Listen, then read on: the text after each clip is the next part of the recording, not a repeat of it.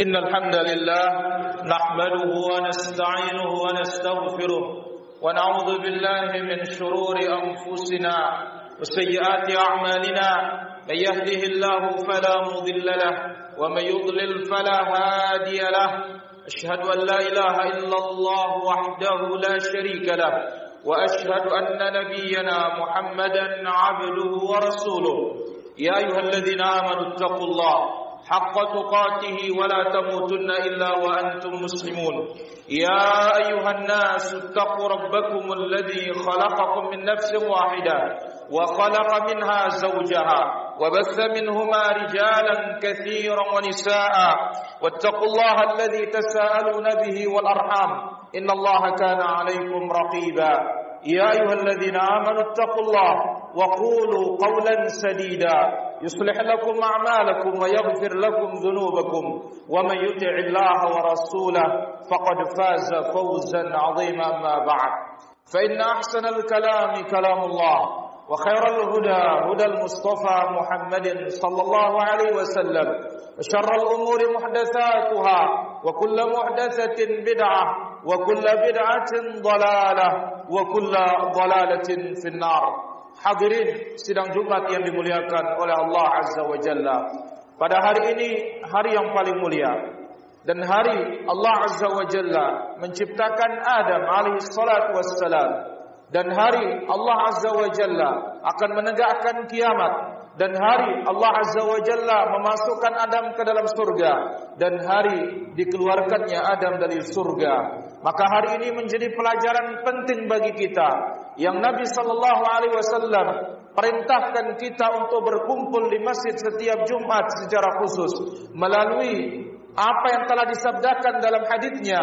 Demikian juga apa yang telah difirmankan oleh Allah azza wa jalla dalam Qur'annya. Maka mudah-mudahan pada hari ini kita bisa meningkatkan keimanan kita dan ketakwaan kita kepada Rabbul Izzati wal Jalal. Kemudian di hari yang mulia ini kita perbanyak salawat dan salam bagi Rasul kita yang mulia, Nabi kita, Nabi besar, Nabi Muhammad sallallahu alaihi wa ala alihi wa sahbihi ajma'in. Hadirin yang dirahmati Allah Azza wa Jalla. Kita hidup akan bertemu dengan Allah Azza wa Jalla dengan modal iman dan amal saleh. Al-iman ini adalah penyelamat wal amalus salih. Ini juga penyelamat. Yang Allah katakan dalam firman-Nya wal asri. Innal insana lafi khusrin. Illa alladhina amanu wa amilus salihat. Wa tawasaw bil haqqi wa tawasaw bis sabr. Allah berfirman demi masa sesungguhnya manusia kita-kita ini benar-benar dalam rugi. Kecuali Pertama yang beriman kepada Allah Yang mentauhidkan Allah Yang tidak ada campuran-campuran kesyirikan dalam keimanannya kepada Allah. Yang kedua yang beramal saleh Yang murni mengikuti praktik dan petunjuk Rasulullah SAW Yang tidak ada campuran-campuran bidah di dalamnya. Inilah yang akan sukses. Inilah yang akan keluar dari kerugian Kemudian watawasaw bil haq watawasaw bis sabr. Mengingatkan kebenaran tentang al-iman, mengingatkan kebenaran tentang al-amalus saleh serta dia bersabar di atasnya. Itu sebabnya para hadirin rahmatullah azza wa jalla. Amalan kita betapa pentingnya untuk dikoreksi. Betapa pentingnya untuk diperbaiki. Betapa pentingnya untuk diperhatikan. Karena itu yang ditengok oleh Allah azza wa jalla. Itu yang dilihat oleh Allah Azza wa Jalla. Sebagaimana dalam hadis yang diriwayatkan oleh Imam Muslim di dalam sahihnya, Rasulullah sallallahu alaihi wasallam bersabda, "Inna Allah la yanzuru ila suwarikum." Allah Azza wa Jalla tidak melihat bentuk kalian. Apakah kalian laki-laki yang tampan, wanita yang cantik, gagah, hebat, pintar, cerdas, bodoh, cekatan, lambat, tidak ditengok oleh Allah Azza wa Jalla. Wala ila ajsadikum. Allah tidak melihat jasad kalian. Apakah kalian tegap? Apakah kalian pendek? Apakah hidung kalian mancung? Semuanya tidak dilihat oleh Allah Subhanahu wa taala. walakin yanzuru ila qulubikum wa a'malikum. Tetapi yang ditengok oleh Allah Azza wa Jalla, yang dilihat oleh Rabbul Alamin tabaraka wa taala hati kalian. Hati kalian inilah dia al-iman. Inilah dia at-tauhid. Wa a'malikum dan yang ditengok oleh Allah Azza wa Jalla adalah amalan kalian. Maka innamal a'malu binniyat ini timbangan amalan, barometer amalan, takaran amalan yang ada di dalam dada. Man amila amalan laisa alaihi amruna fahuwa raddun. Siapa mempraktikkan suatu amalan dalam urusan beragama yang bukan dari Nabi sallallahu alaihi wasallam maka ditolak, ini merupakan takaran dan barometer dan ukuran amal di luar ini. Ya, maka di dalam perbaikilah dia dengan memupuk keikhlasan kita beribadah sepenuhnya kepada Allah Azza wa Jalla di luar bagaimana kita berusaha ibadah-ibadah kita ini mencontoh dan mengikuti perangai dan praktiknya Rasulullah sallallahu alaihi wasallam yang Nabi sampaikan dalam kurun waktu 23 tahun sampai turun firman Allah azza wa jalla al-yawma akmaltu lakum dinakum wa atmamtu alaikum ni'mati wa raditu lakum al-islam madina pada hari ini aku sempurnakan bagi kalian agama kalian aku lengkap mengucapkan nikmatku atas kalian dan aku ridha Islam sebagai agama bagi kalian. Maka Hudzaifah ibnu Yaman radhiyallahu anhu mengatakan fama lam yakun yawma idzin dina. Atau dikatakan oleh para para salaf fama lam yakun yawma idzin dina fala yakunu yawma dina. Kalau di zaman Nabi sallallahu alaihi wasallam suatu perkara yang kita anggap mendapatkan pahala yang kita anggap mendekatkan diri kepada Allah kalau saat itu dia dia bukan agama maka hari ini tidak pernah dia akan menjadi agama aku lu qauli hadza wastaghfirullah li wa lakum wa lisairil muslimin min kulli dhanbin fastaghfiruhu innahu huwal ghafurur rahim